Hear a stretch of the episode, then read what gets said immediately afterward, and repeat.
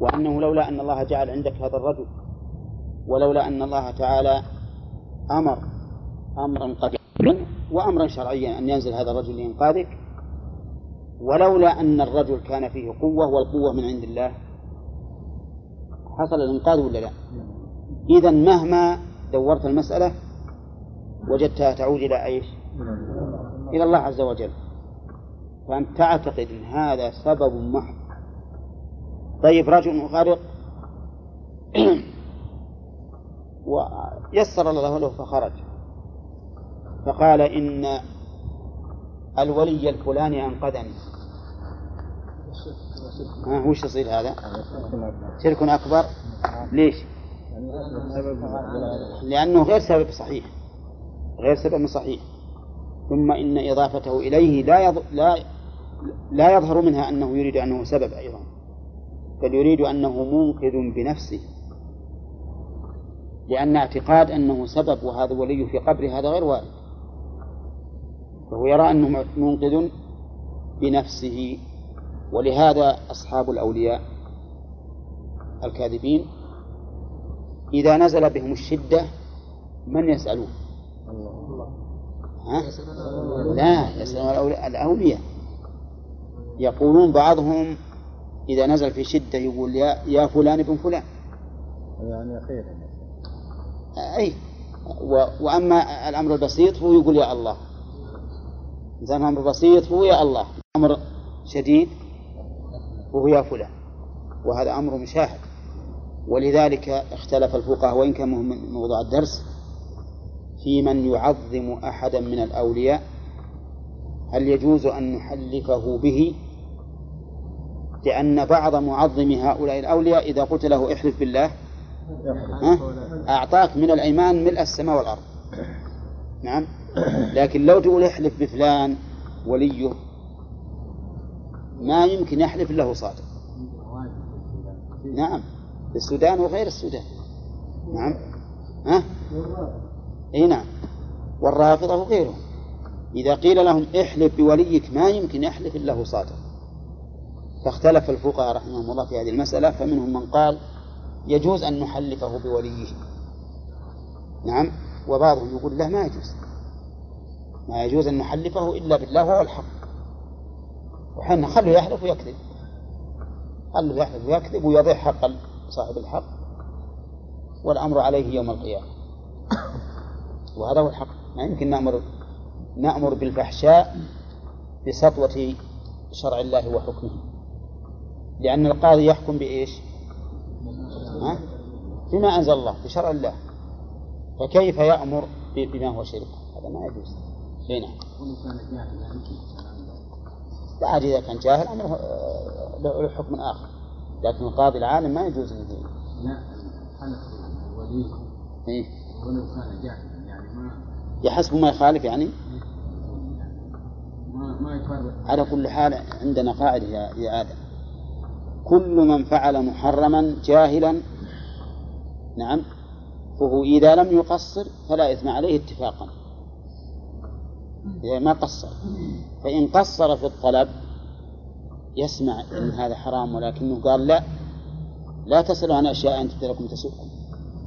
نعم ما أنا بسائل أخاف بيقولوا حرام ومن عد أبدأ ما أحلف به فهذا ما يجوز. يصير آثم نعم.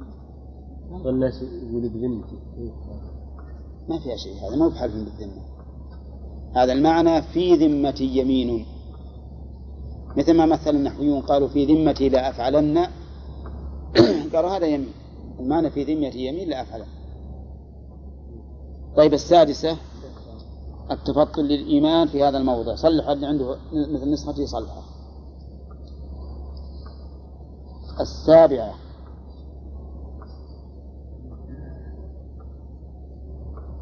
التفطن للكفر في هذا الموضع. التفطن للكفر في هذا الموضع. وش في الكفر في هذا الموضع؟ أن تنسب النعمة إلى غير الله. أن تنسب النعمة إلى غير الله. فيقال هذا بسبب النوع الفلاني وما أشبهه. طيب. الثامنة التفطن لقوله لقد صدق نوء كذا هذا قريب من قوله مطرنا بنوء كذا لأن الثناء بالصدق على النوء معناه أن المطر بوعده بوعده وفعله ولا لا؟ ها؟ إذا جاء المطر كثير وقلنا لقد صدق نوء كذا فهذا يتضمن أن هذا المطر ها؟ لا قبل قبل. بوعده ثم تنفيذ وعده. نعم. التاسعة إخراج العالم للمتعلم المسألة بالاستفهام عنها. عندكم إخراج ولا استخراج؟ ها؟ إخراج العالم. إخراج. نعم. هذا أن يلقي العالم على المتعلم السؤال لأجل أن ينتبه. ينتبه. له ولا الرسول صلى الله عليه وسلم يعلم أن الصحابة ما يدرون قال الله في تلك الليلة. لكن أراد أن ينبههم على هذا الأمر. فقال أتدرون ماذا قال ربكم؟ ولا شك أن هذا يوجب استحضار قلوبهم. العاشرة لا عندي للمتعلم إخراج العلم إخراج العالم للمتعلم. عندكم التعليم؟ لا عندي للمتعلم. العاشرة وعيد النائحة. لقولها النائحة إذا لم تتو قول موتها تقام يوم القيامة وعليها استغفار من قطران ودرع من جرب. وهذا وعيد عظيم والعياذ بالله والنائحة تقدم من هي نعم. النائحة تقدم لنا تعريفها.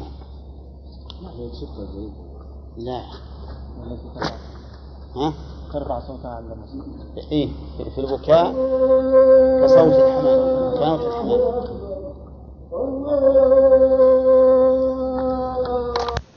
الناس من يتخذ من دون الله أندادا يحبونهم كحب الله. المؤلف رحمه الله جعل الآية هي الترجمة.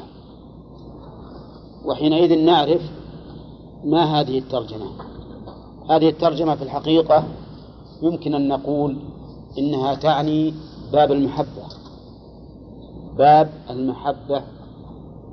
واعلم أن أصل الأعمال كلها هو المحبة. فالإنسان لا يعمل إلا لما يحب. إما من جلب منفعة وإما دفع مضرة. لو تبعد شوية سيد لأن لا تكون بين هؤلاء لا إلى هؤلاء ولا إلى هؤلاء. ودنا نصير مع هؤلاء خالصا. أقول كل شيء فإن مداره على المحبة. ولذلك أنت عندما تفعل شيئا لماذا؟ لأنك تحبه سواء أحببته لذاته أو أحببته لغيره. فمحبة الإنسان لهذا الطعام اللذيذ الشهي محبة لذاته ومحبته للدواء المر الكريه الرائحة محبة لغيره. كذلك أيضا عندما تترك الشيء مبني الترك شو عليه على المحبة. ولهذا كانت كل أفعال الإنسان وإراداته كلها مبنية على المحبة. فهي إذن أصل كل شيء. هي أصل كل شيء. فإذا كان الإنسان في قلبه محبة لله وللوصول إلى كرامته وإلى جنته فسوف يسلك الطريق الموصلة إلى ذلك وهي عبادة الله عز وجل. فالعبادة إذن مبناها شو عليه؟ على المحبة بل إنها هي حقيقة العبادة. إذ أنك لو تعبد الله بدون محبة صارت عبادتك قشرا لا روح له. فالأصل كل الأصول الأصل كل الأصل إنما هي المحبة. ولهذا المشركون لما أحبوا آلهتهم توصلت بهم هذه المحبة إلى أن عبدوها من دون الله أو مع الله. عبدوها من دون الله أو مع الله. وقد أشار المؤلف إلى هذا بقوله ومن الناس. ولكننا نحن نقسم المحبة قبل البدء بشرح الآيات والأحاديث فنقول إن المحبة تنقسم أصلا إلى قسمين. محبة عبادة ومحبة غير عبادة. محبة غير عبادة. المحبة إما محبة عبادة. يعني معنى محبة يقصد بها التعبد والتعظيم. وإما محبة سوى ذلك. يعني مهم محبة عبادة؟ فالأول يعني محبة العبادة لا تصح إلا لله عز وجل. فمن أحب مع الله غيره محبة عبادة فهو مشرك شركا أكبر. شركا أكبر. والعبادة كما تقدم لنا هي التذلل والخضوع والتعظيم. وأن يقوم بقلب الإنسان من إجلال المحب المحبوب وتعظيمه ما يقتضي أن يمتثل لأمره ويجتنب نهيه. هذه محبة العبادة خاصة بالله عز وجل. ويعبر عنها بعض العلماء بالمحبة الخاصة. ولا تصح إلا لله. أما المحبة التي ليست عبادة فإنها تنقسم إلى أقسام. منها ما يكون الجالب لها محبة الله. منها ما يكون الجالب لها محبة محبة الله عز وجل. يعني يكون الحامل على هذه المحبة محبة الله. وذلك هي المحبة في الله ولله. بأن يحب الإنسان ما يحبه الله من أعمال وأشخاص وأمكنة وأزمان. فهذه من فروع الأولى. من فروع إيش؟ الأولى محبة العبادة. حطيتوا بالكم؟ وش قلنا أنواع القسم الثاني أنواع. الأول أن يكون الحامل لهذه المحبة محبة العبادة. وذلك في محبة ما يحبه الله من الأعمال والأشخاص. والأزمنة والأمكنة. هذا النوع يلحق بالنوع الأول. بقسم إيش؟ العبادة لأن محبة الله. بقسم محبة الله لأنه متفرع عنه. ومن ذلك محبة الإنسان للرسل عليهم الصلاة والسلام والأنبياء والصديقين والشهداء والصالحين. ومن ذلك محبة الإنسان لعمل الخير. نعم محبة الإنسان لعمل الخير. يحب مثل الصلاة.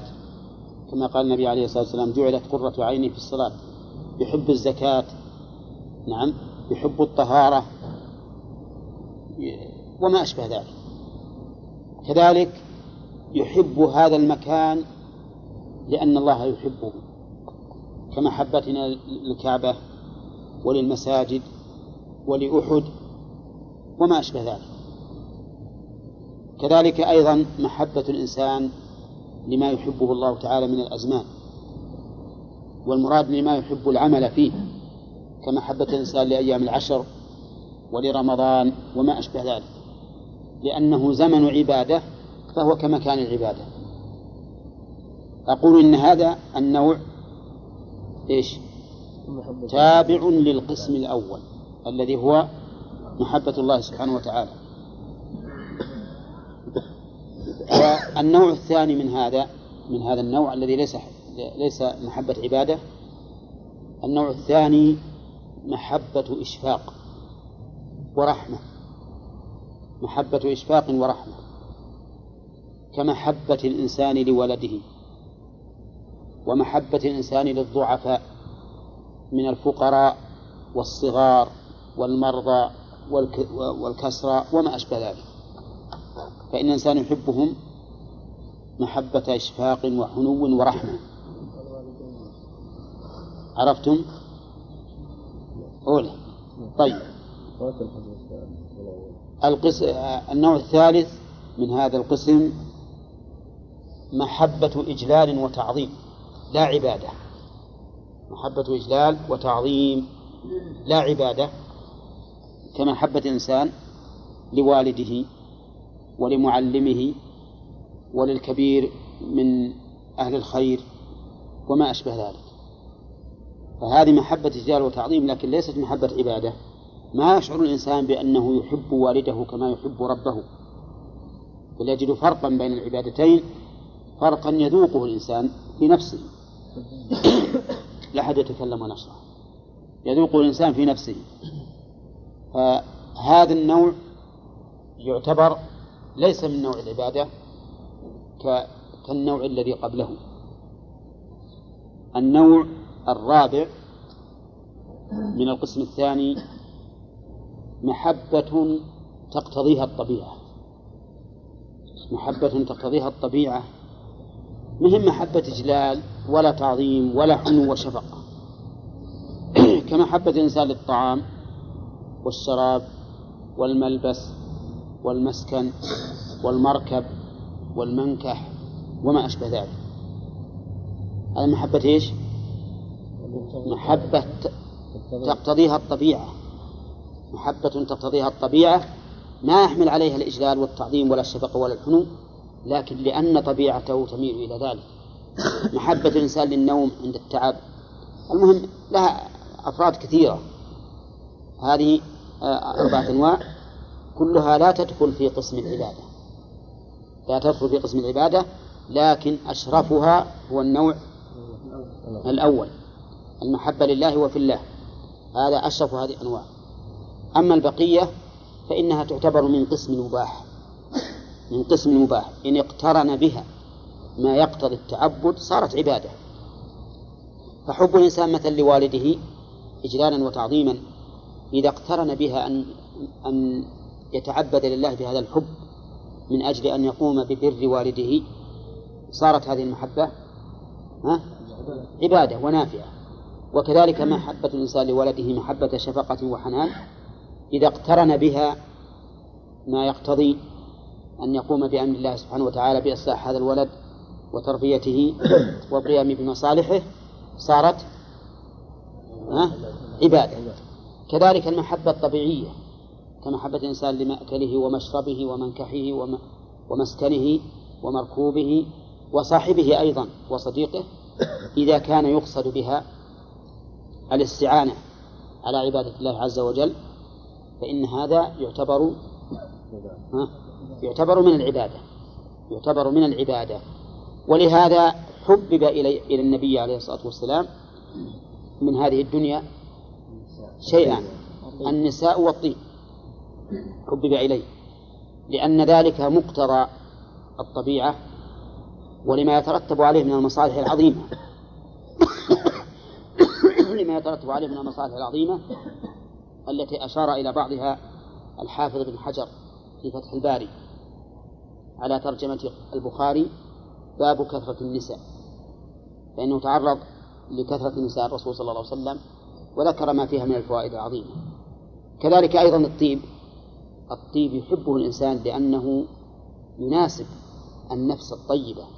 الطيبات للطيبين. والله تعالى طيب لا يقبل إلا طيبا ولأنه ينشط النفس ويريحها ويشرح الصدر. فهذا إذا اتخذه الإنسان على سبيل التقرب إلى الله عز وجل صار صار عبادة. إنما الأعمال بالنيات وإنما لكل امرئ ما نوى. هذا ما يحضرنا الآن من أقسام العبادة وأنواعها. فصار العبادة أول ما هو؟ نقسمها إلى قسمين. محبة عبادة ومحبة غير محبة غير عبادة. فأما محبة العبادة فإنها لا تكون إلا لله وحده سبحانه وتعالى. ولا يجوز لأحد أن يحب أحدا حب عبادة وتعظيم عبادة إلا إلا الله وحده لا شريك له. أما غير العبادة فإنها على هذه الأنواع الأربعة. محبة تقتضيها يقتضيها القسم الأول وهو محبة الله. محبة تقتضيها محبة الله وهي الحب في الله ولله. يذكر لك أن رجلا عابدا محسنا إلى عباد الله في بلد بعيد عنك لا تراه ولا تعرفه فتحبه. هذه المحبة ليش؟ لله عز وجل لله. هذه المحبة قلت إنها في الحقيقة من فروع القسم الأول فهي عبادة. فهي عبادة كما سيأتي إن شاء الله في الأحاديث. والثاني محبة؟ النوع الثاني؟ محبة شفقة ورحمة وحنان كمحبة الوالد لولده ومحبة الإنسان للضعيف أولى والفقير واليتيم وما أشبه ذلك. والقسم الثالث محبة إجلال وتعظيم. لكن مو عبادة؟ كمحبة الإنسان لوالده ولمعلمه وللشيخ الكبير من المسلمين وما أشبه ذلك. والرابع النوع الرابع محبة تقتضيها الطبيعة. كمحبة الأكل والشرب واللباس والنكاح وما أشبه ذلك. هذه الأشياء قلنا إنها قد تكون عبادة بحسب الغاية. بحسب الغاية والنية. وإلا فالأصل أنها من قسم من قسم المباح. من قسم المباح الذي لا يحكم عليه بأجر ولا بثواب يعني معصية أو عقاب. لكنها مع ذلك إذا قصد بها. التعبد لله والتقرب إليه صارت عبادة. يا شيخ إذا قال قائل ما الدليل على أنها تختلف العبادة؟ الدليل قول الرسول عليه الصلاة والسلام إنما الأعمال بالنيات. وإنما لكل امرئ ما نوى.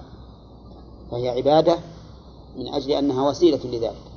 والعلماء قالوا ما لا يتم الواجب إلا به فهو واجب. وقالوا الوسائل لها أحكام المقاصد وهذا أمر متفق عليه. طيب نرجع الآن إلى شرح الآيات. مثل الضعيف المسكين واليتيم والفقير هذا ما يحبه إلا لله أكيد إن الإنسان ما يحبه. لا يا أخي مو صحيح. أحيانا يجي كافر من أكثر عباد الله. ولا شاف هالكثير ولا الضعيف ولا الفقير حن عليه ورحمه. نعم هذا شيء مشاهد. ولا هو يعرف العبادة ولا شيء. لا وهذا شيء مشاهد سبحان الله. لكن عاد أنت المؤمن يستغل هذه الفرصة يجعلها عبادة بأن يكون يرحمه لأن الله تعالى أوصى به وحث على رحمته. فرحة. فرحة ها؟ ها؟ فرحة يعني واحد يفرح بشيء. فرح. اي الفرح إذا كان إذا كان الفرح بالعبادة وبفعل الحسنة فهذا طيب. زي الحين يكون واحد اسمه محمود محمد داعي كتب في السودان يدعي هو كان؟ رسول كيف؟ يقول يدعي هو رسول بعدين لما قتلوه أنا فرحت بهذا هذا طيب كلنا فرحنا بهذا كلنا فرحنا لأننا فرحنا بداع... ب... ب... بإعدام داعية خبيث نعم. أي لكن في الحقيقة يجب علينا أن ننتبه يعني الإذاعات الخارجية و- وال- ودول النصارى قبلت وزمرت على هذا الأمر. وكبرت هذا الأمر. وأقامت احتجاجات. نعم. حتى رؤساء دول الكفر أقاموا احتجاجات على هذا العمل. مع أن غير هذا الرجل يقتل بدون أي سبب.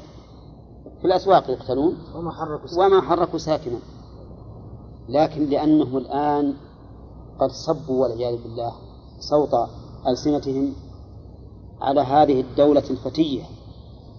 أقول الفتية باعتبار أنها بدأت تطبق أحكام الإسلام.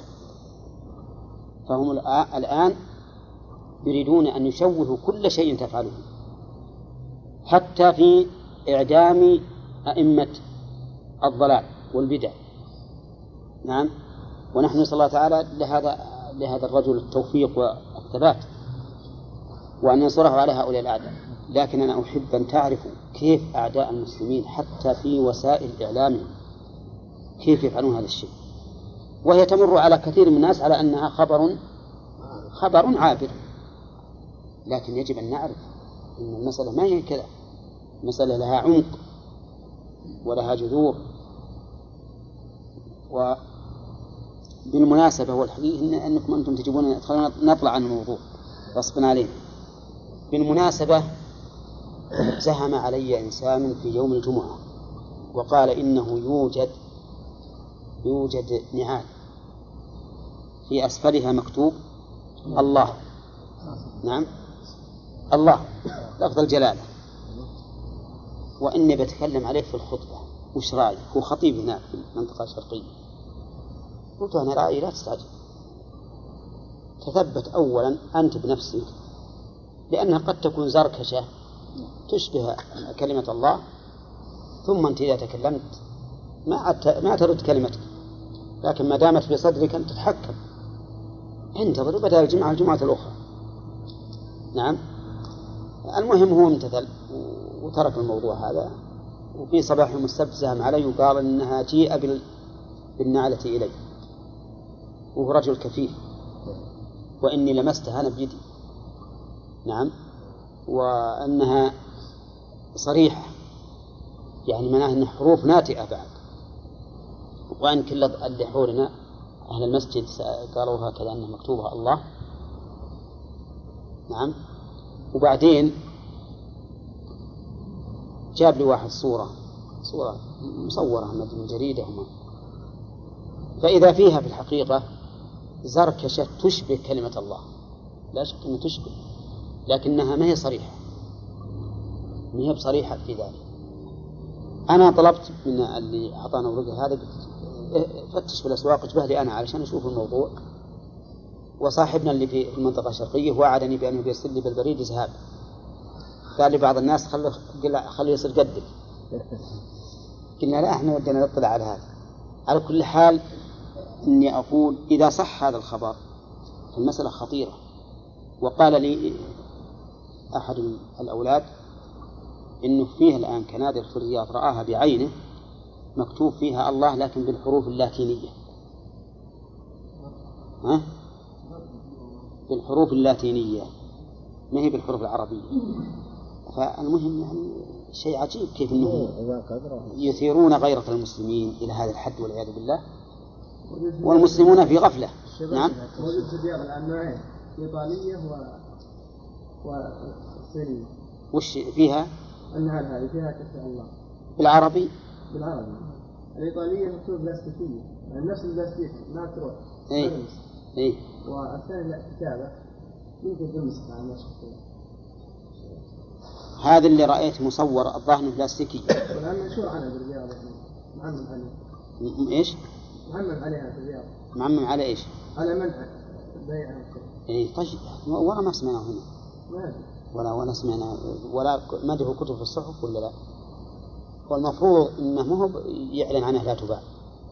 المفروض انك تصادر وإن الشركات التي وردتها تضمن.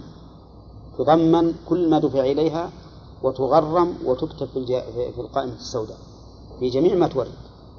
هذا المفروض. مسألة بس لا تبيعون هذا ما هو صحيح. ما يكفي. ما يكفي هذا. نعم. حتى الشباب اللي مسمينها أسامي يعني غريبة اسمها زنوبة وخدوجة يعني على أسماء زوجات النبي بس مغيرين الاسم يعني لا ما بعد عن هذا. زنوبة يعني زينب؟ إيه يعني لا لا. خدوجة وهكذا خدوجة ما سمعناها إلا منك والله في شيخ بس هي هي خدوجة؟ اي نعم. سمعتهم انت خدوجة؟ موجودة في إيه لكن تسمى خدوجة يعني. نعم. هو الاسم الاسم أصلا يسمى بالتحريف يعني من زينب يسموها زنوبة العوام يعني نعم. وخديجة يطلق عليها خدوجة لأجل يعني بس لكن مكتوب على الز... لا لا لا اسم اسم نفسها إيه. نفس الصنف يقول لك يا اديني خدوجة اديني زنوبه لما يكون عايز يروح يستريح داء من عنده الله يعافيك. الله يحسن طيب وش اللي هذا؟ هي اللي أخرجنا آدم. نعم. بسم الله الرحمن الرحيم. قال المؤلف رحمه الله تعالى ومن الناس من يتخذ من دون الله أندادا يحبونهم كحب الله قوله من الناس هذه للتبعيد. وهي خبر مقدم ومن يتخذ مبتدا مؤخر. أندادا جمع ند في أي شيء. فسر هذه الندية بقوله يحبونهم كحب الله. كحب الله في كيفيته وفي نوعيته. كحب الله في الكيفية وفي النوعية. إذا شديد وعبادة ولا لا؟ حب عبادة ولا إيش؟ حب عبادة. لأن مقتضى التشبيه المطابقة. إذ أن الشبه موافق لشبيهه. والكاف في قولك حب الله لإيش؟ للتشبيه. فهم يحبون هذه الأنداد كحب الله نوعا وكيفية. نوعا أي محبة عبادة وكيفية أي في قوته وشدته. نعم حتى إن بعضهم والعياذ بالله يغار لمحبوبه من هذه الأنداد أشد مما يغار على الله عز وجل. وحتى إنه يعظم هذا المحبوب من الأنداد أكثر من تعظيم الله. لو قيل له احلف بالله لحلف وهو كاذب ولم يبالغ. ولو قيل احلف بالند وهو كاذب ما يمكن يحلف. لا يمكن أن يحلف. فهذا لا شك أنه شرك. شرك أكبر مخرج عن الملة وقولك حب الله الصحيح في هذه الآية أنها على ظاهرها وأنها مضافة إلى مفعولها. أي يحبونهم كحبهم لله كحبهم لله. وإن كان بعض الناس بعض المفسرين يقول كحب الله أي كحب الله الصادر من المؤمنين. أي كحب المؤمنين لله. يعني يحبون هذه الأنداد مثل ما يحب المؤمنون الله عز وجل. ولكن هذا القول وإن كان اللفظ يحتمله وتقدم أن تكلمنا عليه في التفسير لكن السياق يأباه غاية الإباء لأنه لو كان المعنى يحبون هذه الأنداد كما يحب المؤمنون الله لكان مناقضا لقوله فيما بعد والذين آمنوا أشد حبا لله والذين آمنوا أشد حبا لله. وعلى هذا فيكون الصواب أن تبقى الآية على ظاهرها. وهذا لم نرجحه في التفسير. لكن تبين لنا بعد التأمل أنه هو القول الراجح إن لم يكن المتعين. على أن المعنى يحبون هذه الأنداد كمحبة الله. يحبونهم كمحبة الله فيجعلونهم شركاء لله في المحبة. لكن الذين آمنوا أشد حبا لله. أشد حبا لله منين؟ من هؤلاء؟ ها؟ لا من هؤلاء لله. هم يقولون يحبونهم كحب الله. إننا أن لا تثبت أن هؤلاء أن هؤلاء المشركين يحبون الله لكنهم يتخذون أندادا يحبونهم كحب الله. فقال والذين آمنوا أشد حبا لله من هؤلاء من هؤلاء؟ لله. لماذا كانت محبة المؤمنين لله أشد من حب هؤلاء الله لأنها محبة خالصة ليس فيها شرك والمحبة المشروط فيها لا شك أنها تضعف لكن المحبة الخالصة نعم أقوى أقوى. طيب يبقى آه، أن نقول والذين آمنوا أشد حبا لله من هؤلاء لله. يبقى أنه قد ينقدح في ذهن الإنسان أن المؤمنين يحبون الأصنام. يحبون الأصنام. ولكن الجواب على ذلك صلوا ركعتين يا أخوان تحية المسجد. لا القبلة على اليسار هنا والذين آمنوا أشد حب الله قد ينقدح في ذهن الإنسان أن أن المؤمنين يحبون هذه الأنداد. والجواب أنه لا لا يصح هذا. لأننا إذا علمنا أن اللغة العربية يجري فيها التفضيل بين شيئين وأحدهما خال منه تماما. قلنا هذا الترتيب من هذا النوع. قال الله تعالى أصحاب الجنة يومئذ خير مستقرا وأحسن مقيلا. مع أن أهل النار ها؟ ما في خير مستقر ما في خير ولا حسن والعياذ بالله. وكذلك آه آلله خير أما يشركون. هذه الموازنة ليس في الطرف الآخر منها شيء ولكنها من باب مقابلة الخصم بما يعتقد. والحاصل أن أن هذا المعنى الذي ذكرناه هو الأرجح وذهب بعض المفسرين إلى المعنى الأول. يحبونهم كحب الله أي كمحبة المؤمنين لله. والذين آمنوا أشد حبا لله تعالى من هؤلاء لأصنامهم. ويقولون إنهم كانوا أشد لأن محبتهم محبة محبة مبنية على العلم موافقة للفطرة. ومحبة المشركين لأصنامهم مبنية على الوهم ومخالفة للفطرة. نعم. مناسبة هذه الآية واضحة من باب المحبة. وهي منع أن يحب الإنسان أحدا إيش؟ كمحبة الله. هذا ممنوع لأنه من الشرك الأكبر المخرج عن الملة وهذا والعياذ بالله ربما تجده في بعض الناس في بعض العباد وفي بعض الخدم. فبعض العباد الذين يعظمون بعض القبور أو بعض الأولياء يحب هذا الولي. نعم. مثل محبة الله أو أشد. سواء كان حيا أو مقبورا. وبعض الخدم أيضا لخدامهم ورؤسائهم تجدهم أيضا يحبون هؤلاء الرؤساء أكثر مما يحبون الله. ويعظمونهم أكثر مما يعظمون الله.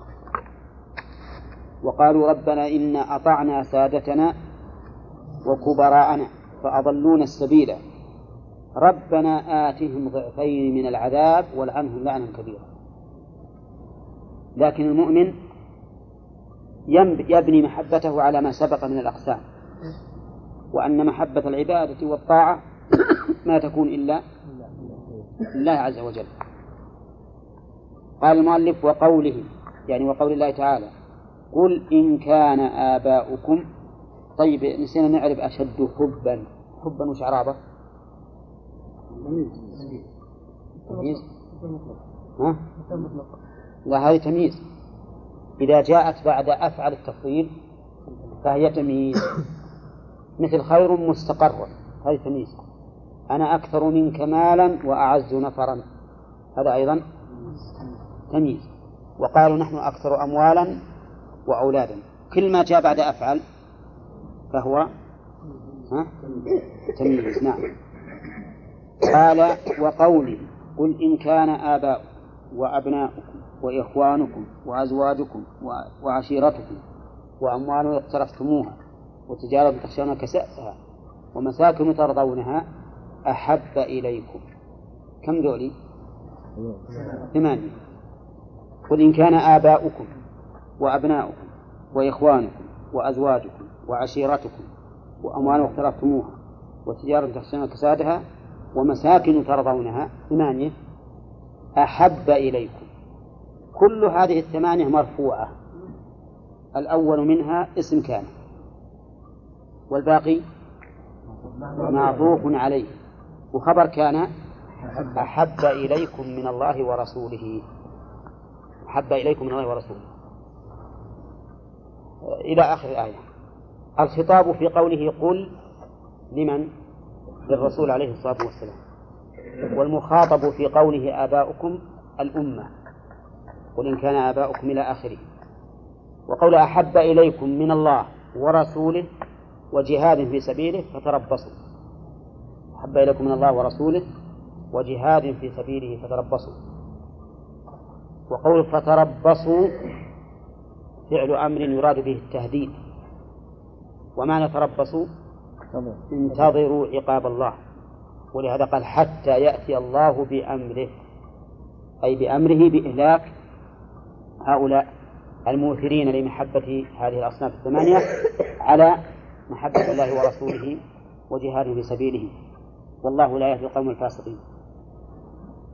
فيستفاد من هذه الآية ما ما أراده المؤلف. هذه هذه المحبة في هذه الآية لهؤلاء الأصناف الثمانية من أي القسمين؟ من محبة العبادة أو غير العبادة؟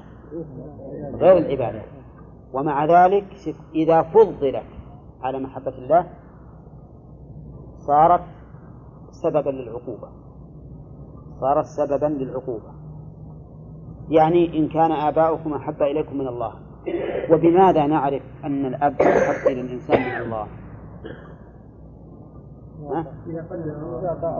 إذا كان يهمل أوامر الله لأوامر والده.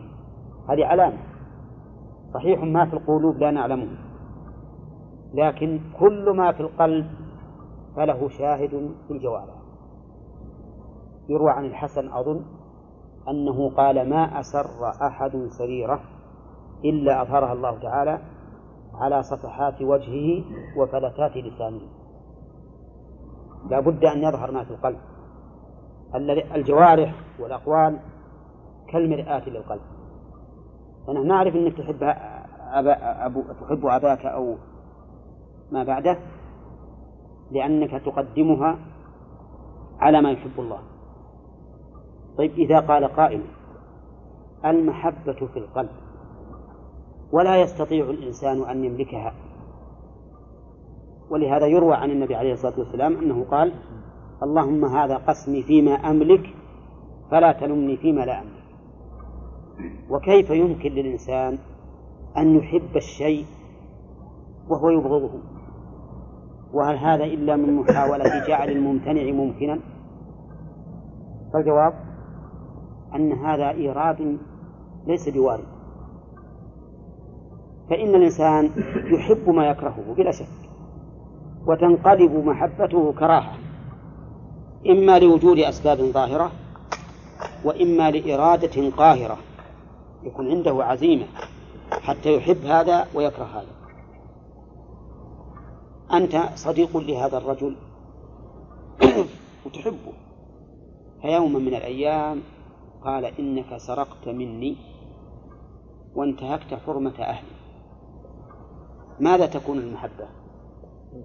تنقلب كرها بسبب ظاهر بسبب ظاهر. وأحيانا يكون بالعزيمة القوية رجل يصاحب صاحب شر وفاسقا يصاحب صاحب شر وفاسقا. كان يحبه ولكنه أورد على نفسه كيف أحب هذا الرجل؟ وعزم على نفسه حتى كرهه. ممكن ولا لا؟ يمكن. رجل يعتاد أمرا يحبه كشرب الدخان مثلا. يحب هذا. وشارب الدخان يحبونه أو لا؟ ها؟ يحبونه. لا يحبونه. ما يحتاج. طيب لكن صار عنده عزيمة قوية فأبغضه وتركه. يمكن؟ يمكن. أنا ضربت لكم هذا في الأشياء المحسوسة وسأبينه لكم في الأشياء الخبرية الواردة عن الشر. قال قال عمر رضي الله عنه للنبي عليه الصلاة والسلام والله يا رسول الله إنك لأحب إلي من من؟ من مالي وولدي. أحب إلي من كل شيء. إلا نفسي. أحب إلي من كل شيء إلا نفسي. شوف استثنى لأنه صريح رضي الله عنه. فقال النبي عليه الصلاة والسلام ومن نفسك. قال الآن الآن شف الآن والله إنك أحب إلي من كل شيء حتى من نفسي. تغيرت المحبة ولا لا؟ لا. وش الدليل؟ الآن. الآن. ولا شك أن عمر صادق.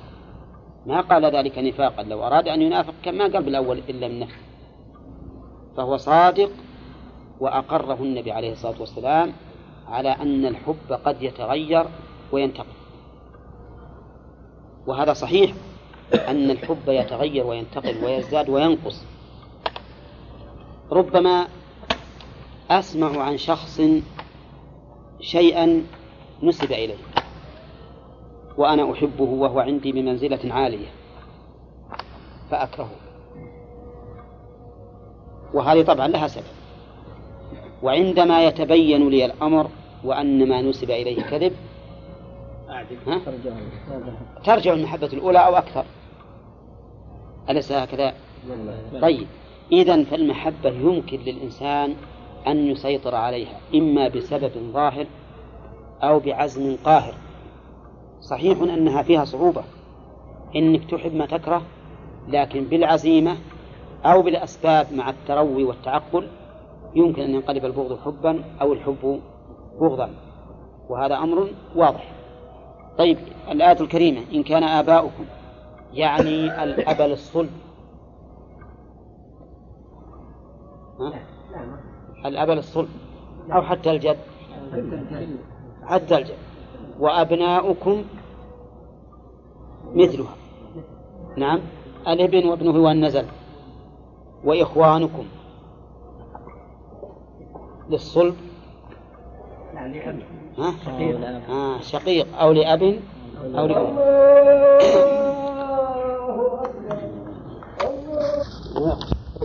يتفق هذا الخبر مع الواقع. كقوله فلما زاغوا أزاغ الله قلوبهم والله لا يهدي القوم الفاسقين فلما زاغوا أزاغ الله قلوبهم والله لا يهدي القوم الفاسقين. هو الشيخ الراجح يعني. ها؟ وش الراجح يعني هذا؟ والله يحتمل كلهم معناها ما يتنافى. كلهم معناها ما يتنافى. لأنهم إذا زاغوا وبقوا على الفسق فحكمة الله تأبى أن يهديهم.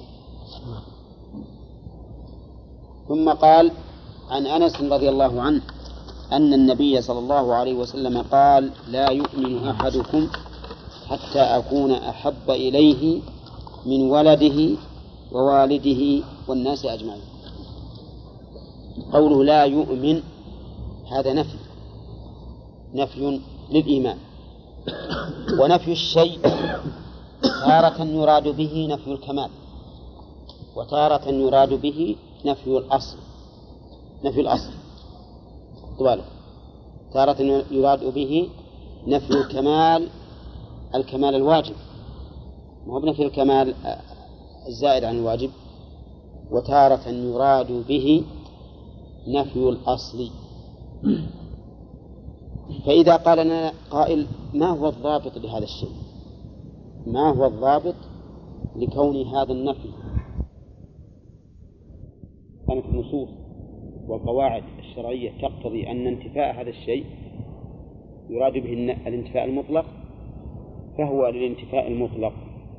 وإذا كان لا يراد به ذلك فهو للانتفاء إيش؟ لانتفاء الكمال. ولكن لا يكون النفي لانتفاء شيء مستحب. لا يكون لانتفاء شيء مستحب أبدا.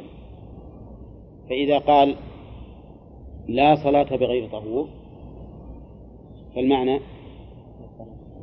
أنها لا تصح. فيكون هذا نفيا للكمال الواجب. يعني بمعنى أنه لا ينفى الشيء إلا لانتفاء أمر واجب فيه. لا يؤمن أحدكم حتى أكون أحب إليه من ولده إلى آخره. هذا الإيمان المنفي هنا. هل هو أصله أصل الإيمان؟ أو كماله الواجب؟ كماله الواجب. إلا إذا خلا القلب من محبة الرسول صلى الله عليه وسلم إطلاقا فلا شك أن هذا نفي للإيمان المطلق. مطلقا. يعني لو لم يكن في قلب الإنسان محبة للرسول صلى الله عليه وسلم فإنه ليس بمؤمن. لكن الحديث هنا ليس نفي للمحبة. معلق بإيش؟ بكمال المحبة أن يكون أحب إليه. وقوله لا يؤمن أحدكم حتى أكون أحب إليه من و من ولده. بدأ بالولد لأن تعلق القلب به أشد. ومحبة الإنسان لولده غالبا أشد من محبته لأبيه. وقوله من ولده يشمل الذكر والأنثى. وقوله والده يعني أباه وجده وإن علا وأمه وجدته وإن علت وقوله والناس أجمعين يشمل إخوته وأعمامه وأبناء إخوته وأبناء أمامه وأصحابه وأصدقاءه ونفسه أيضا. ونفسه. ها؟ لماذا يشمل نفسه؟ لأنه من الناس. لأنه هو من الناس. إذا لا يتم الإيمان إلا بهذا. أن يكون الرسول عليه الصلاة والسلام أحب إليه من كل شيء من المخلوقين. من كل شيء من المخلوقين. نعم. لماذا وكيف لماذا يحبه أكثر من هذا؟ لأنه رسول الله عز وجل. وإذا كان الله أحب إليك من كل شيء فرسوله أحب إليك من كل مخلوق. وثانيا يحب النبي عليه الصلاة والسلام لأمور كثيرة. أولا لما قام به من عبادة الله وتبليغ رسالته. فأنت تحبه لله لأنه ما أحد من البشر قام بمثل ما قام به النبي عليه الصلاة والسلام من تبليغ الرسالة والعبادة. فتحبه على هذا. تحبه أيضا بما جبله الله عليه من مكارم الأخلاق ومحاسن الأعمال. ولا لا؟ لأننا نحب من اتصف بهذا لو كان غير الرسول صلى الله عليه وسلم. تحبه أيضا لما جلبه الله تعالى على يديه من هدايتك وتعليمك وإرشادك وتوجيهك. لولا الرسول صلى الله عليه وسلم من أين نعلم هذا العلم؟ ولا لا؟ لكن الله بعثه بالحق فبلغ الرسالة وأدى الأمانة. تحبه أيضا على صبره على الأذى في دين الله. صبر وصابر وأوذي في الله عز وجل فصبر صبر أولي العزم من الرسل عليه الصلاة والسلام. فتحبه على كل هذه الخصال. وإلا فقد يصعب على الإنسان أن يحب من لا يراه. ولكن إذا تأمل الإنسان وتدبر هذه الأمور للرسول صلى الله عليه وسلم أحبه بلا شك. ولهذا جاء في الحديث وإن كان ليس بصحيح إلى ذاك أحب الله لما يغدوكم به من النعم. فأنت تحب الله عز وجل لما يغدوك به من النعم ويدفع عنك من النقم. كل نعمة وما بكم من نعمة فمن الله. كل نعمة فيك فهي من الله عز وجل. فتحب هذا المنعم الذي أغدق عليك النعم وأسبغها عليك ظاهرة وباطنة ودفع عنك النقم التي لا تحصى. فكذلك الرسول صلى الله عليه وسلم نحبه لهذه الأمور. ومحبة الرسول صلى الله عليه وسلم من محبة الله ولا لا؟ نعم من محبة الله لأنها هي النوع الأول من القسم الثاني. يستفاد من هذا الحديث وجوب تقديم محبة الرسول صلى الله عليه وسلم على محبة النفس. أولا. وثانيا فداء الرسول عليه الصلاة والسلام بالنفس والمال. صح؟ نعم. لأنه يجب أن تقدم محبته على نفسك فإذا تفتيه بنفسك وبمالك. وفي أيضا أنه يجب على الإنسان أن ينصر سنة الرسول صلى الله عليه وسلم ويبذل له ويبذل لها نفسه وماله وكل طاقته. لماذا؟ لأنها من كمال محبة الرسول عليه الصلاة والسلام. أنت إذا أحببت شخصا أحببت أن ينجح في أمره. ولا لا؟ ما أظن واحدا منكم يقول أنا أحب فلان وهو يحب أن يفشل هذا المحبوب ولا أليس كذلك؟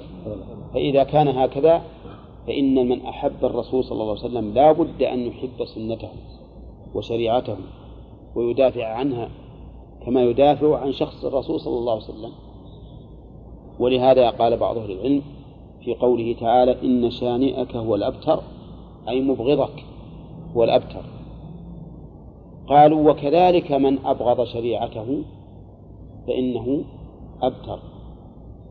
فشانئ الرسول صلى الله عليه وسلم وشانئ شريعته لا شك أنه أبتر مقطوع لا خير فيه ولا بركة.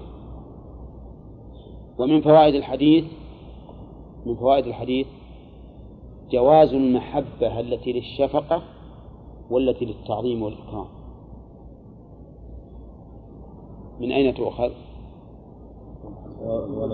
من قوله أحب إليه من كذا. فأباح إثبات أصل المحبة لكن أوجب أن تكون محبة الرسول صلى الله عليه وسلم مقدمة على محبة هؤلاء. وهذا أمر طبيعي ما حد ينكره. طيب. ومن فوائد الحديث وجوب تقديم قول الرسول صلى الله عليه وسلم على قول كل الناس. لأنه من لازم كونه أحب أن يكون قوله مقدما على كل أحد. حتى على نفسك. نعم. حتى على نفسك.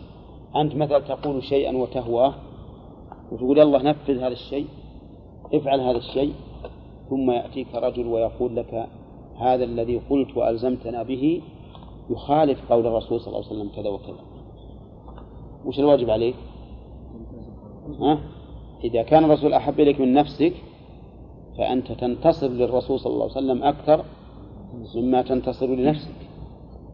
وترد على نفسك بقول الرسول صلى الله عليه وسلم. نعم؟ ولهذا قال بعضهم تعصي الإله. وأنت تزعم حبه هذا لعمري في القياس بديع. لو كان حبك صادقا هذا الشاهد الأخير. لو كان حبك صادقا لأطعته. ها؟ إن المحب لمن يحب مطيع. ها؟ لا بديع. هذا اللي أحفظه. وعلى كل حال هو بديع يعني غريب كيف؟ لا. البديع يعني معناه غريب الشيء اللي يستغرب يعني أنه مخالف للقياس. طيب. إذا يؤخذ من هذا الحديث وجوب تقديم قول الرسول صلى الله عليه وسلم على قول كل الناس. حتى على قول أبي بكر. ها؟ وعمر. وعثمان. وعلي. طيب والأئمة الأربعة؟ ها؟ من باب أولى. ومن بعدهم؟ من باب أولى. وما كان لمؤمن ولا مؤمنة إذا قضى الله ورسوله أمرا أن يكون لهم الخيارة من أمرهم. ولكننا سبق أن قلنا إذا رأيتم الحديث مخالفا للأحاديث الأخرى الصحيحة الواضحة أو مخالفا لقول أهل العلم الجمهور منهم فالواجب علينا إيش؟ ها؟ التثبت وأن نتأنى في الأمر. وأن نتأنى في الأمر لأن لأن اتباع الشواذ يؤدي إلى الشذوذ. فلهذا يجب علينا إذا رأينا حديثا يخالف ما عليه أكثر الأمة أو يخالف الأحاديث الصحيحة التي كالجبال في رسوها ما نقول نرده بل يجب علينا أن نتثبت ونطالع ونراجع في سنده حتى يتبين. إذا تبين فإنه لا بأس أن يخصص الأقوى بما هو أضعف منه. نعم ولا ويمكن أيضا أن يكون خلاف الأمة أن يكون الحديث ضعيف مخالفا لقول جمهور الأمة. هذا أمر ممكن. لكن مع لكن المهم أن نتثبت في الأمر. وهذه القاعدة تنفعك في كثير من الأقوال التي ذكرت أخيرا. وغفل عنها الأقدمون. نعم. وصارت محل نقاش بين بين الناس. فإنه يجب اتباع هذا هذا الطريق. يقال أين الناس من هذه الأحاديث؟ ولو كانت هذه الأحاديث مثلا من شريعة الله لكانت محفوظة باقية معلومة. نعم. مثل ما ذكر أن الإنسان إذا لم يطف طواف الإفاضة قبل أن تغرب الشمس يوم العيد فإنه يعود محرما. يعود محرما. فإن هذا الحديث وإن كان ظاهر سنده الصحة لكنه ضعيف وشاذ. ولهذا ما قيل ما ذكر أنه عمل به إلا كان رجل أو رجلان من التابعين وإلا فالأمة على خلافه. فمثل هذه الأحاديث يجب أن يتحرى الإنسان فيها ويتثبت. لا نقول ترد لأن قد تكون صحيحة لكن يجب أن يتثبت فيها الإنسان كثيرا. مناسبة هذا الحديث للباب ظاهرة. وش المناسبة؟ ها؟ أنه في باب المحبة. محبة الرسول عليه الصلاة والسلام التي محبته من محبة الله. نعم. نصرة سنة الرسول صلى الله عليه وسلم. هي نصرا لله ولا للرسول؟ هي نصر لدين الله لا شك. الله المراد نصر دينه ما هو جل وعلا لم يكن له ولي من الذل. لكن الرسول قد مات. إيه؟ يعني ما ينفع نصرنا. لا يا أخي ينفعه بمعنى أنه يكون كل من عمل بهذه السنة فله أجرها. للرسول صلى الله عليه وسلم أجرها. أجر العامل فأيما أنفع له لو كان الذي عمل بسنته مليونا من الناس. أو مليونين. مليونين. إيه. إذا ينتفع بذلك. لكن عندما يعني يناصر السنة الحين هو ينوي أنها مناصرة لله ولا للرسول؟ لا هو ينوي أنها نصرة لله عز وجل نصرة لدين الله أيضا. نعم. نصرة لدين الله الذي جاء به هذا الرسول وأنه يعتبر ناصرا للرسول في الحقيقة. الآن حتى في الأمور العادية صاحب المبدأ مثلا صاحب قومية ولا حزبية ولا ما أشبه ذلك حتى بعد موته يقال إن هذا الرجل انتصر له ونصره ولهما ولهما عنه. عن أنس قال قال رسول الله صلى الله عليه وسلم ثلاث من كن فيه وجد بهن حلاوة الإيمان. ثلاث من كن فيه وجد بهن. أولا إعراب ثلاث. وش؟ خبر. خبر مبتدأ. خبر مبتدأ وين مبتدأ؟ هذه ثلاثة ما ما ذكر الرسول حتى يقول هذه. ها؟ مبتدأ. طيب. ما وصلنا إلى الخبر. إلى الآن. مبتدأ. لكن كيف يجوز الابتداء بالنكرة؟ ها؟ وابن مالك يقول ولا يجوز الابتداء بالنكرة ما لم تفد. وهذه مفيدة لا شك. كعند زيد النمرة. ثم هو ثم هي موصوفة بقوله من كن فيه وجد بهن حالات والإيمان على ظن بعضكم على ظن بعضكم. نعم. وليست موصوفة في الحقيقة. لأن جملة الجملة الشرطية الجملة الشرطية خبر المبتدأ. الجملة الشرطية خبر المبتدأ. طيب من كن فيه؟ من هذه شرطية وكن كن فعل ماضي مبين المجهول ها؟ وراه إذا قلت شد شد وش هذا؟ فعل ماضي المجهول. رد. كذلك كن. فعل ماضي مجهول مجهول. هذه أصلها كان. ها؟ أصلها كان. أولى. طيب. فإذا صار كان صارت فعل ماضي ناسخ. و والنون اسمها. وفيه خبرها. وقوله وجد بهن. هذه وجد فعل ماضي. مبين فتح محل جزم. جواب الشرط. والجملة من فعل الشرط وجوابه في محل رفع خبر المبتدأ. ثلاث من كن فيه أي من وجدن فيه وجد بهن حلاوة الإيمان وجد بهن الباء هنا للسببية أي بسببهن. وقول حلاوة مفعول وجد وجد بهن حلاوة الإيمان حلاوة الإيمان.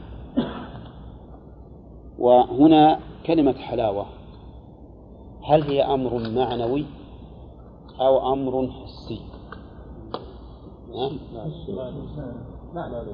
طيب نشوف. هذه الحلاوة هي ما يحسه الإنسان بنفسه من الراحة والطمأنينة والانشراح. ما هي بحلاوة السكر؟ ها؟ ولا لا؟ فالحلاوة إذن مدركة بالنفس لا باللعاب والفم. نعم. فالمعنى إذن وجد بهن الحلاوة القلبية الحلاوة القلبية وهي ما يجده من الطمأنينة والراحة والانشراح. الخصلة الأولى طيب حسية ولا نعم. لا هي؟ هي حسية. حسية لكنها ما هي الحسية التي تذاق بالفم؟ التي تذاق بالفم ما هي هذه؟ لكن حسية يجدها الإنسان يحس بها في قلبه. وليس المعنى أيضا أن حلاوة الإيمان هي علم. أنها العلم حتى نقول أن المراد أنها معنوية بل هي أمر حسي يدركه الإنسان بذوقه. ذوقه الباطني ولا الظاهري؟ ها؟ ذوقه الباطني. قال أن يكون الله هذه الخصة الأولى وهي خبر مبتدا محذوف. التقدير الأولى أن يكون الله ورسوله أحب إليه مما سواهما.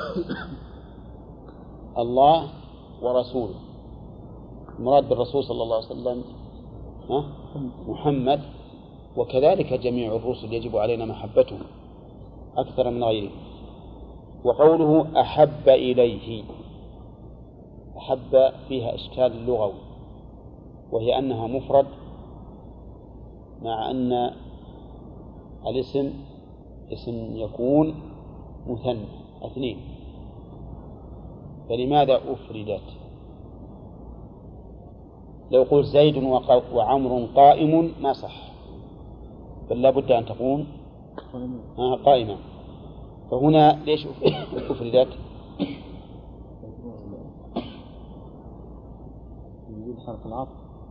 نعم. لأن حد وليس إيه؟ على تقدير. ها؟ تقدير إيش؟ من. على تقدير من. قال ابن مالك وإن في أفعل التفضيل. الله يهيئ لي طلبة يحفظون ولا ينسون. ها؟ يلا. وإن لمنكور. أو جرد ألزم تذكيرا وإن يوحدا نعم. وقال هكذا.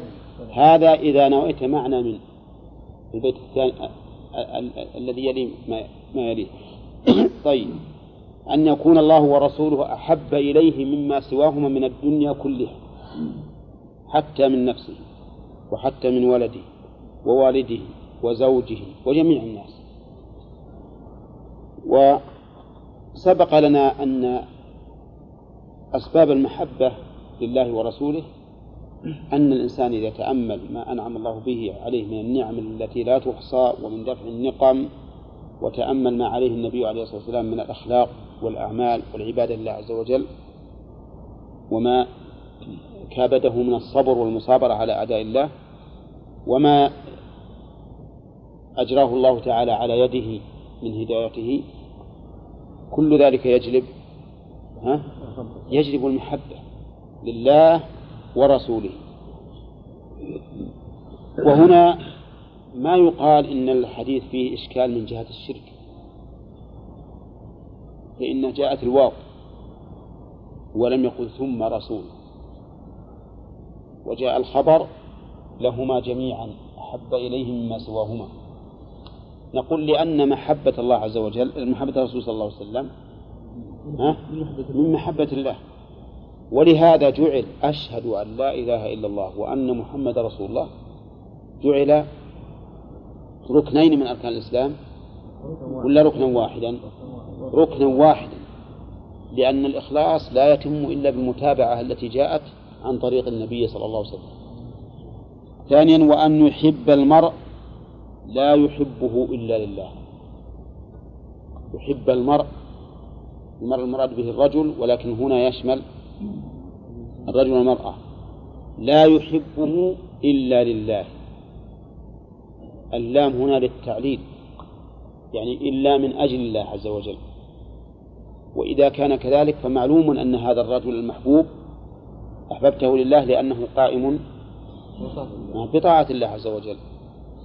وحب الإنسان للمرء له أسباب كثيرة ولا لا؟ يحب للدنيا يحبه للقرابة يحبه للزمالة يحب المرأة مثلا زوجته لنيل الشهوة منها ويحب من أحسن إليه لإحسانه إليه. المهم أن أسباب المحبة كثيرة لكن إذا انحصر حب هذا الرجل بهذا الواحد بهذا الشيء الواحد وهو لله لا يحبه إلا لله فإن هذا من أسباب وجود حلاوة الإيمان. نعم. ثالث وأن يكره أن يوقظ أن يعود في الكفر بعد إذ أنقذه الله منه كما يكره أن يقذف في النار.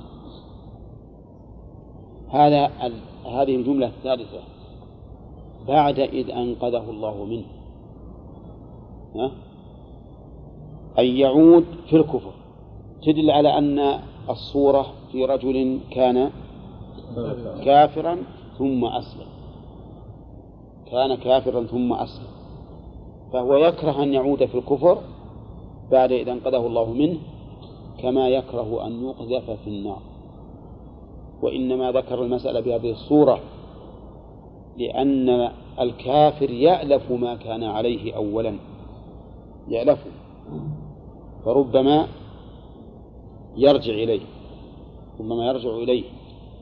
أما من لا يعرف الكفر فقد يكون في هذا المقام وقد يكون أنقص وقد يكون نعم ما فيها أزيد. يكره أن يعود في الكفر بعد إذ أنقذه الله منه كما يكره أن يقذف في النار. ولا شك أن كل واحد منا يكره أن يقذف في النار.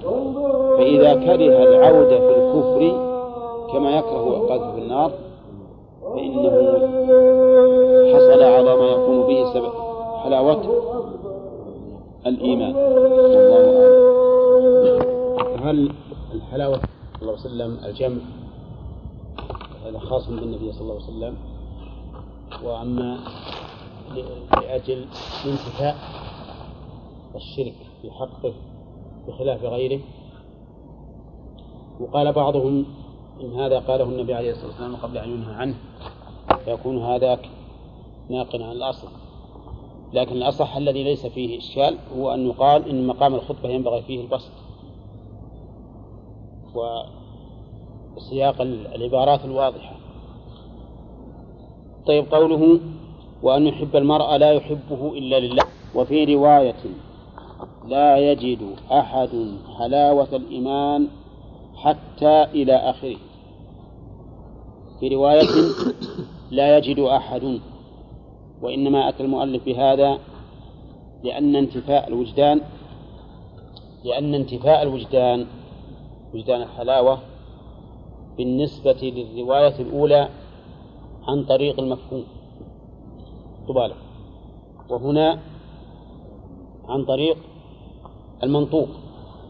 شوف الحديث الأول ثلاث من كن فيه وجد بهن حلاوة الإيمان هذا المنطوق. مفهومه؟ إيش مفهومه؟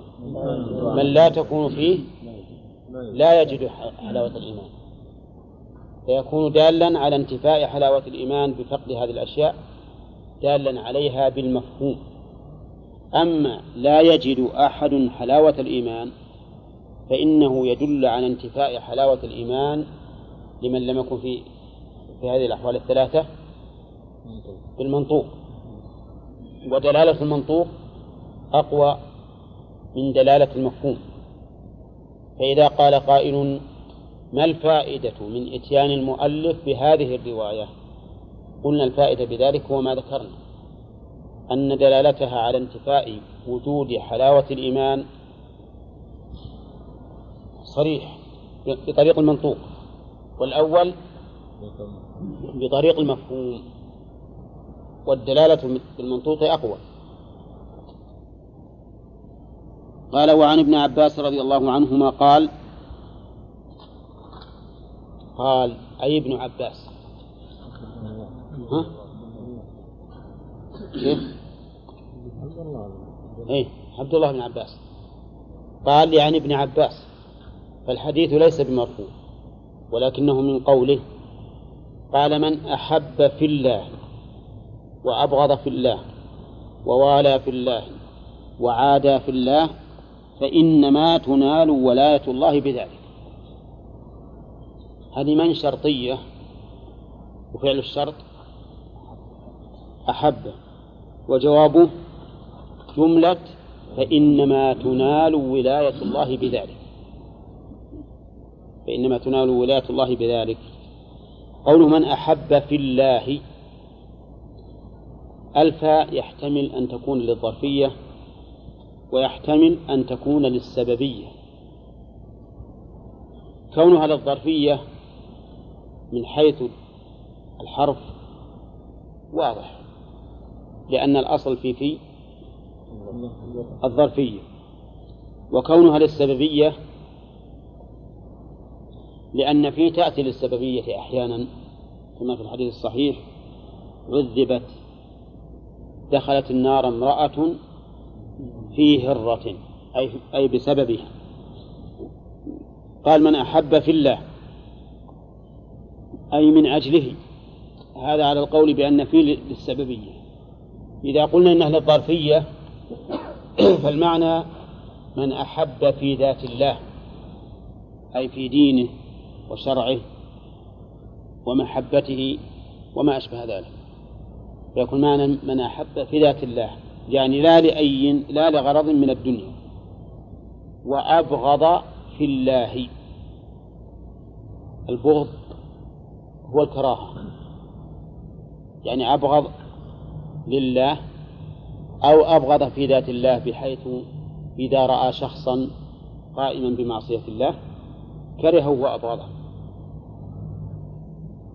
وفي الأول إذا رأى أحدا قائما بطاعة الله سبحانه وتعالى أحبه في فرق يا شيخ بين السببية والظرفية في هذا المعنى؟ إيه فيه فرق. السببية معناها أنه يكون الحامل له الحامل له على المحبة أو البغضاء هو الله سبحانه وتعالى. الظرفية معناها أنه يكون موضع الحب أو موضع الكراهة هو ما يتعلق بذات الله عز وجل. فيبغض من, من يبغضه الله ويحب من يحبه الله. وهما متلازمان. هما متلازمان. لكن الفرق بالمعنى واضح. قال ووالى في الله وعادى في الله. الموالاة هي المحبة والنصرة والتأييد وما أشبه ذلك. هذه الموالاة. فيحب وينصر ويؤيد ويكون معهم في صفهم لأنهم قائمون بطاعة الله. ويعادي في الله وش معنى المعاداة؟ المعاداة ضد الموالاة أن يبتعد عنهم ويكرههم ويحب خذلانهم وذلهم. في الله عز وجل. مثل يحب المؤمنين ويواليهم ويبغض الكافرين ويعاديهم. يقول رحمه الله فإنما تنال ولاية الله بذلك. هذا جواب الشرط فإنما تنال أي أن نلت الشيء أي أدركته ووصلت إليه. يعني يدرك الإنسان ولاية الله ويصل إليها بهذا الشيء. بكونه يجعل محبته ويجعل بغضه وولايته ومعاداته يجعلها كلها لمن؟ لله. وقوله ولاية يجوز في في الواو وجهان. الفتح والكسر. وقال بعضهم إن الولاية معناه النصر. كما قال تعالى ما لكم من ولايتهم من شيء. وأن الولاية بمعنى التولية الإمرة يعني. النيابة عن الشيء. فيقال هذا وال على هذا البلد أي نائب. على البلد من قبل السلطان. فبعضهم يفرق بين الفتح والواو بالمعنى. يقول هذه لها معنى وهذه لها معنى. وبعضهم يقول المعنى واحد. بالواو أو بالفتح أو بالكسرة. قال الله تعالى هنالك الولاية لله الحق. وش معنى الولاية؟ يعني تولي الأمور والنصر. فالله من لم ينصره الله في ذلك الوقت فلا ناصر له. و و وما لكم من ولاية من شيء؟ أي من نصرته حتى يهاجروا وإن استنصروكم في الدين فعليكم النصر. أقول الآية قال فيها القراءتين ولا بس الفتح؟ من ولايتهم ما أدري والله كان فيها قراءة بالكسر ما فهم يقول نعم فإنما تنال ولاية الله بذلك. الباء هنا للسببية أي بسبب ذلك والمشار إليه الحب في الله والبغض فيه والموالاة فيه والمعاداة فيه. ولن يجد عبد ولن يجد عبد طعم الإيمان وإن كثرت صلاته وصومه حتى يكون كذلك. هذا الخبر كما تعرفون موقوف لكنه في الحقيقة بمعنى المرفوع فإنه بمعنى الحديث الأول. الإنسان لا يجد طعم طعم الإيمان ولذته وحلاوته والأنس به حتى يكون كذلك. ولو كثرت صلاته وصومه. ولو كثرت صلاته وصومه. وذلك لأنه إذا كان يوالي أعداء الله فإنه لا يمكن أن يجد طعم الإيمان. وكيف يستسيغ عاقل فضلا عن مؤمن أن يوالي أعداء الله؟ يرى أعداء الله سبحانه وتعالى يشركون به ويكفرون به ويدعون فيه النقائص والعيوب ثم يواليهم ويحبهم. هذا لو يكون في الروضة كل صلاة ويقوم الليل ويصوم النهار فإنه لا يمكن أن ينال طعم الإيمان. لا بد أن يكون قلبك مملوءا من محبة الله والمحبة فيه والموالاة فيه. وعلى وعلى عكس من ذلك يكون مملوءا ببغض أعداء الله ومعاداتهم وإلا ما يمكن أن يكون هكذا. يقول الشاعر بل, بل ابن القيم أتحب أعداء الحبيب وتدعي حبا له؟ ما ذاك في إمكانه وهذا صحيح. لو أن صبيا زاعل صبيا آخر تعرفون المزاعل ها؟ المزاعل الهجر. الهجر. تجد كل واحد منهم يقول للصبيان الآخرين أنت معي ولا معي؟ ها؟ إذا كان مع واحد منهم يلزم أنه يعادي الثاني. ولذلك لو يقول أنا معك ويشوفهم هارجن الثاني اللي متزاحم وياه يزعل. يزعل. قال أنت الآن خنتن. كيف تكلمه وأنت تقول أنا معك؟ نعم. أقول هذا في الفطر معروف في الفطر إنه ما يمكن أحد يحب أعداء أعداء الحبيب أبدا. ثم يدعي أنه حبيب أنه يحبه. قال الإمام أحمد إني إذا رأيت النصراني أغمض عيني عين عنه. رحمه الله. يغمه كراهة أن أرى بعيني عدو الله. نعم. هذا الذي وجد طعم الإيمان. أما اللي والعياذ بالله يرى أنهم الحقيقة الأمر خطير. يرى أنهم يعني على دين مرضي والعياذ بالله. فهذا من من من اعتقد هذه العقيدة فهو خارج عن الإسلام. اللي يرى أن النصارى أو اليهود على دين مرضي ومقبول عند الله فهو خارج عن الإسلام. مكذب لله. مكذب لله عز وجل. ورضيت لكم الإسلام دينا. إن الدين عند الله الإسلام. ومن يبتغي غير الإسلام دينا فلن يقبل منه. والمسألة يا إخواننا بمناسبة كثرة النصارى عندنا وغير النصارى أيضا من الوثنيين المسألة صار فيها خطر عظيم. وأصبح كثير من الناس الآن لا يفرق بين مسلم وبين كافر. يفرقون يا شيخ هم تجيه يكفر وجهه ولا وإذا جاء يمدح هذا أردع هذا أردع نعم. المهم أننا خلونا على المرتبة اللي, اللي ما ما يكفر يعني ما يكفرون منه والعياذ بالله ولا يبالي ولا كأنه عدو لله عز وجل بل وهو عدو له. يا أيها الذين آمنوا لا تتخذوا عدوي وعدوكم أولياء هم أعداء لنا وإن تظاهروا بالصداقة مهما كان الأمر. قال الله تعالى يا أيها الذين آمنوا لا تتخذوا اليهود والنصارى أولياء بعضهم أولياء بعض ومن يتولهم منكم فإنه منهم إن الله لا يهدي القوم الظالمين. أقول بهذه المناسبة الآن أصبحنا في في محنة في الواقع.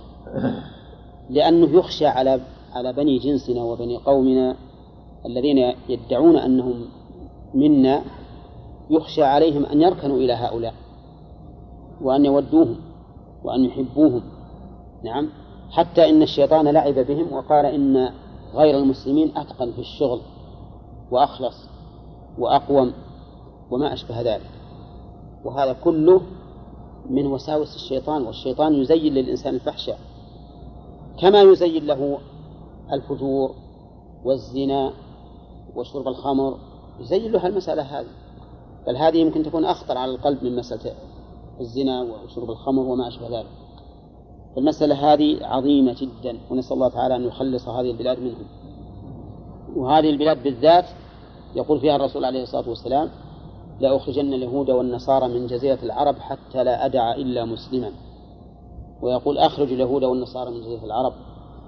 ويقول أخرج المشركين من جزيرة العرب. كل هذا لأن لا يل... لأن لا يشتبه الأمر على الناس. نعم. طيب. إذا يعني إلى حد بعض الناس يعني بعض الجهال. إذا قلت له مثلا هذا نصراني مو مسيحي. يقول عجيب. يعني يظن أن النصراني أن المسيحي غير النصراني لأنه لأنه ينتسب إلى عيسى عليه الصلاة والسلام فيظن أن دينه حق وصحيح ولهذا يستغرب من هذا الأمر. شيخ الحديث وعن ابن عباس. نعم. قرأت أنا عن ابن عباس وهو ما هو إيه، قال قال ما قال قال رسول الله. نعم. ابن عباس من أحب في كيف؟ وش معنى اعتقادي وعملي؟ أي. ما فهمت أنا وش معنى الموالاة الاعتقادية؟ الموالاة الاعتقادية اللي يحب انتصارهم مثلا انتصارهم على المسلمين وما أشبه ذلك وإن لم يناصرهم تقصد هذا؟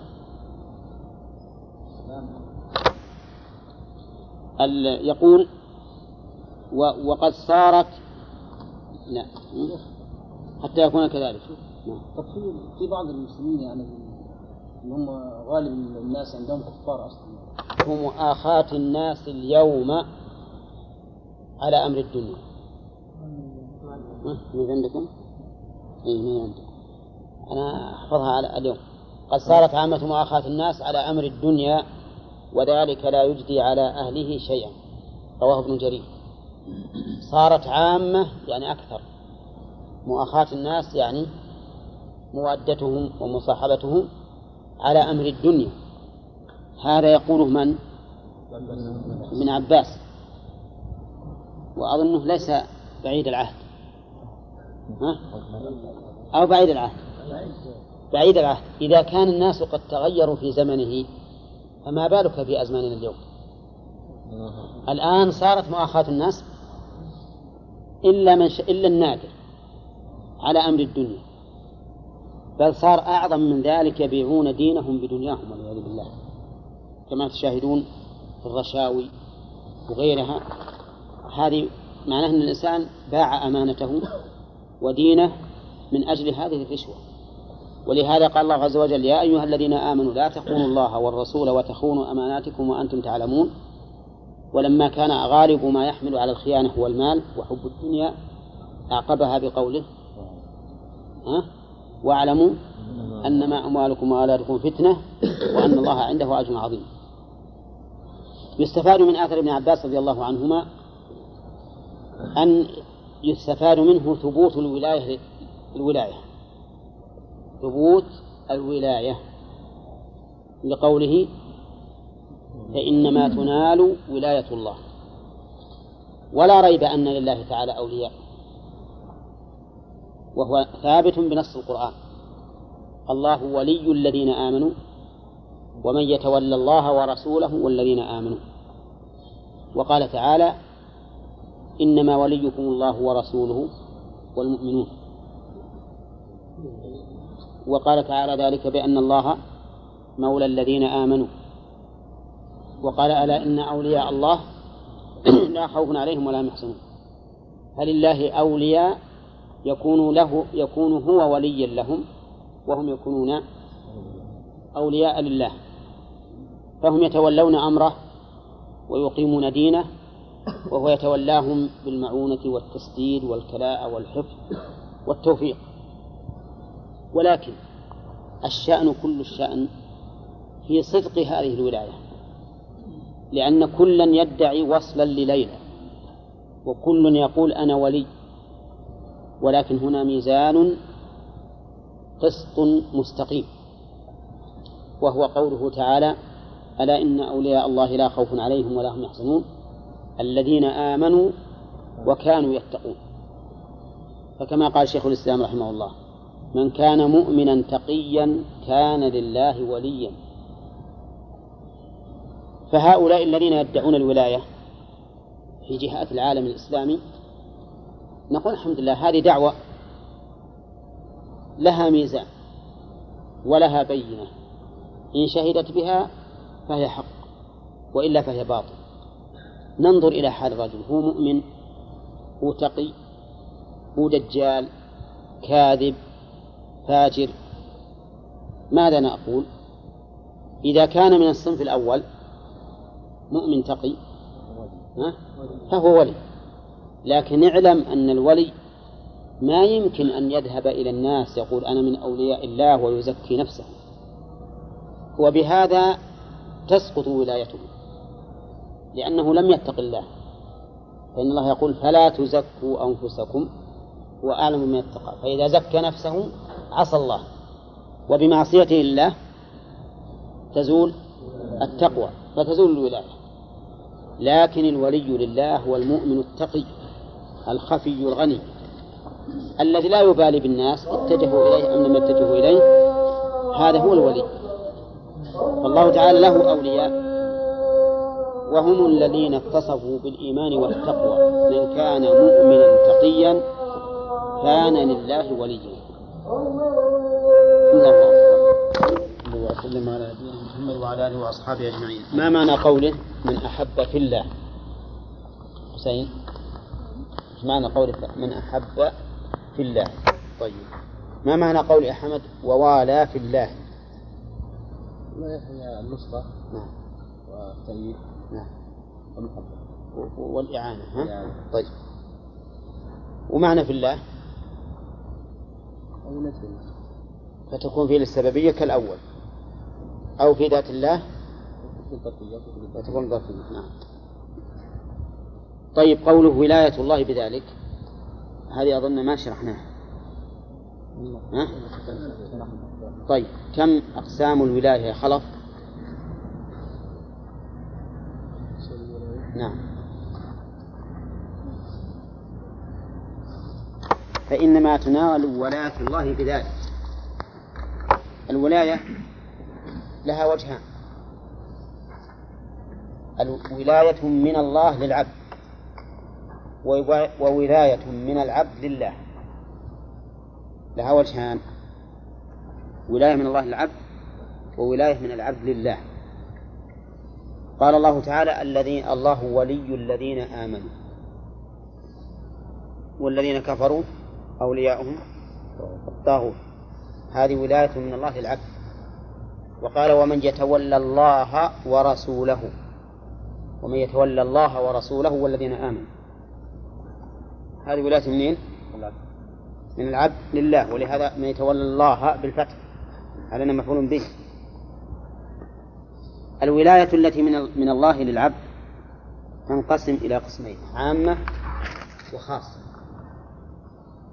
فالولاية العامة هي الولاية على العباد بالتدبير والتصريف وهذه تشمل المؤمن والكافر وجميع الخلق.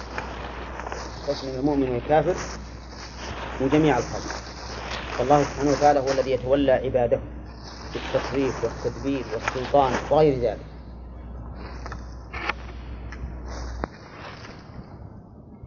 قال الله تعالى ثم ردوا إلى الله مولاهم الحق. ألا له الحكم وهو أسرع الحاسبين هذه من أي الولايتين؟ من الولايات العامة لأنه للكفار فيكون هذا من الولاية العامة. القسم الثاني الولاية الخاصة وهو أن يتولى الله العبد بعنايته وتوفيقه وهدايته.